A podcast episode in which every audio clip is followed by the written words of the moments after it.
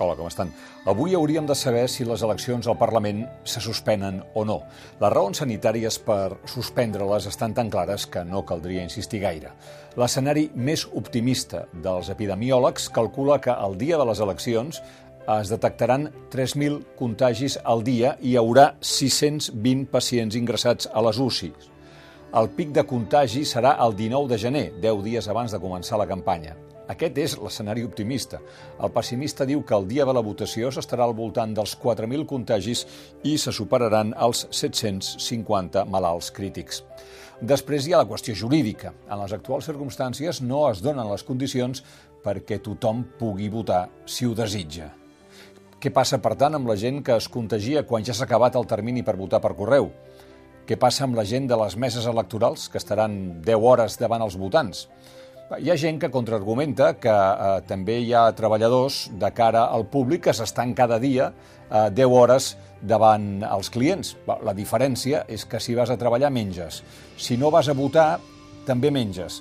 Ens agradi o no, és així. No pretenc comparar la importància dels dos drets, el del treball i el del sufragi, però els efectes pràctics em sembla que és bastant clar perquè els metros estan eh, plens de gent a les 7 del matí.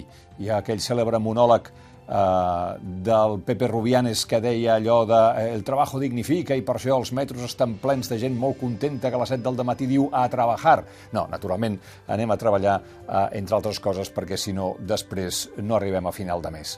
El que no es pot dir de cap manera és que suspendre les eleccions seria suspendre la democràcia com es va atrevir a dir ahir el ministre de Justícia, Juan Carlos Campo, a Televisió Espanyola.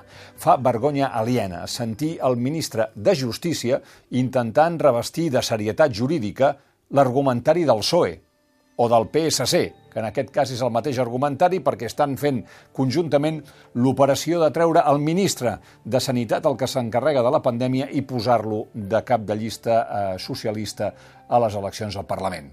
Com deia ahir Jordi Sánchez en un tuit, ho fent per cinisme electoralista. La democràcia se suspèn quan el govern espanyol no escolta els tribunals europeus i l'ONU, frena l'amnistia, ignora els drets humans i eh, polítics i ens manté a la presó. I és que, 40 eh, dies després que el Suprem revoqués el tercer grau dels presos polítics, les juntes de tractament de les presons van tornar a classificar-los ahir en aquest règim.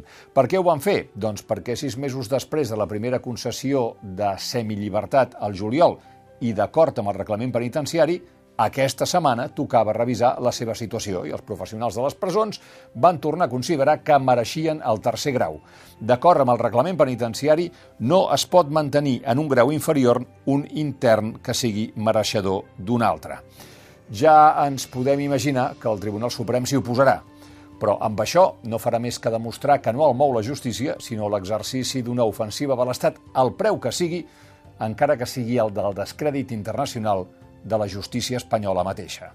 El nostre reconeixement pels que treballen a primera línia, un record pels que pateixen la Covid-19, pels presos polítics, pels exiliats i que tinguem un bon dia.